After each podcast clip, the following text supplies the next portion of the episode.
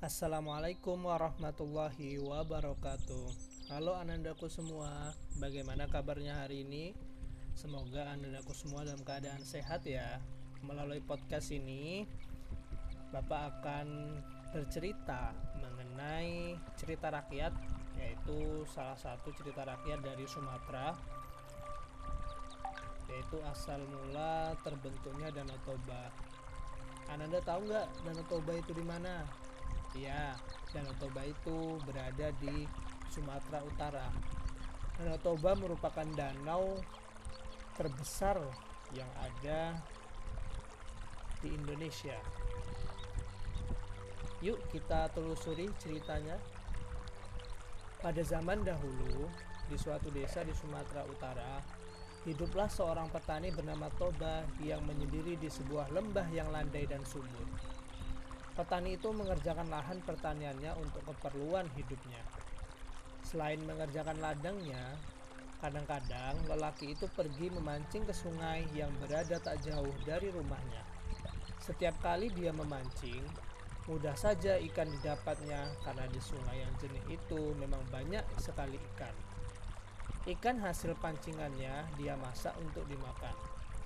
Pada suatu sore, setelah pulang dari ladang, lelaki itu langsung pergi ke sungai untuk memancing. Tetapi sudah cukup lama ia memancing, tak seekor ikan pun didapatnya.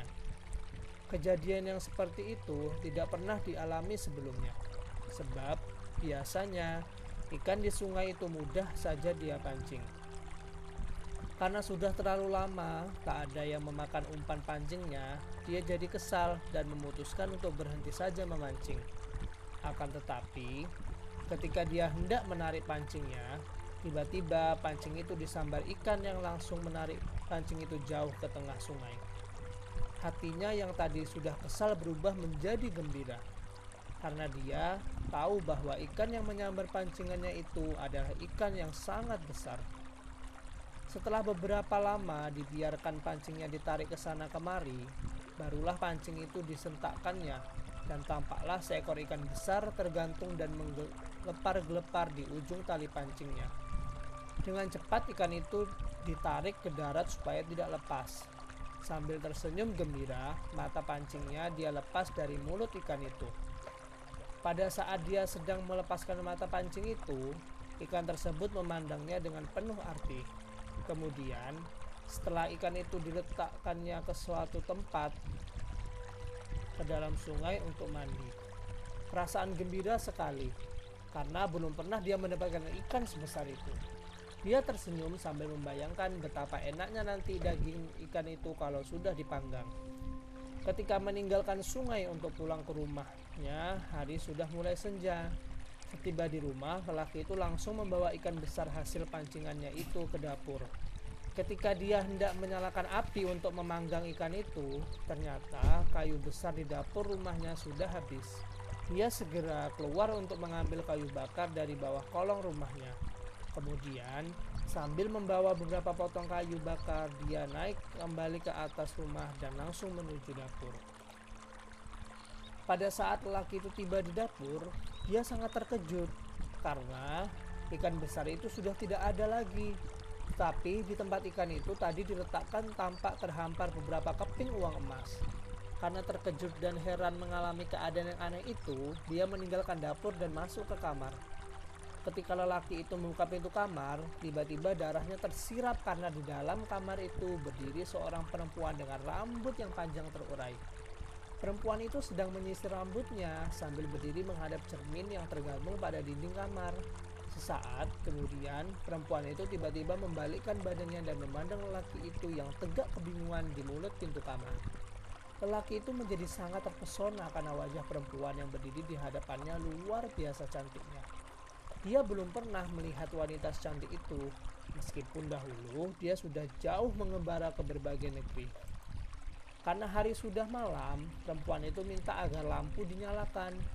Setelah lelaki itu menyalakan lampu, di, dia ajak perempuan itu menemaninya ke dapur karena dia hendak memasak nasi untuk mereka.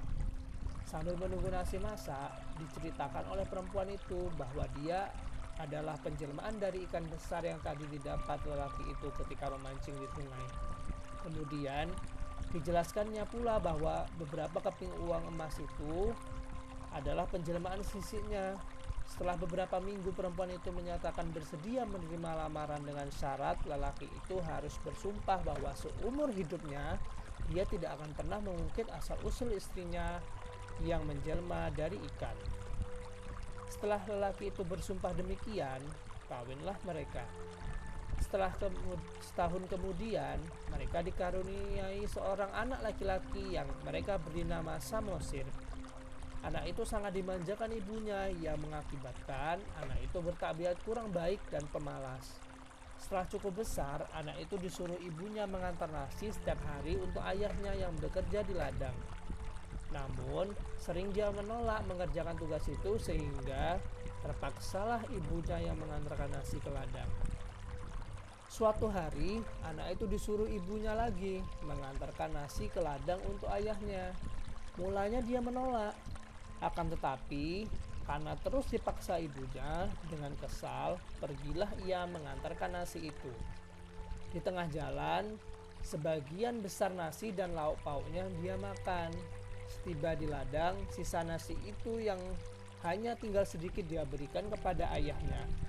Saat menerimanya, si ayah sudah merasa sangat lapar karena nasinya terlambat sekali diantarkan. Oleh karena itu, maka si ayah jadi sangat marah ketika melihat nasi yang diberikan kepadanya adalah sia-sia. Amarahnya makin bertambah ketika anaknya mengaku bahwa dialah yang memakan sebagian besar dari nasi itu. Kesabaran si ayah jadi hilang dan dia pukul anaknya sambil mengatakan, Anak kurang ajar kamu, tidak tahu diuntung. Betul-betul kau anak keturunan perempuan yang berasal dari ikan. Sambil menangis, Anak itu berlari pulang menemui ibunya di rumah.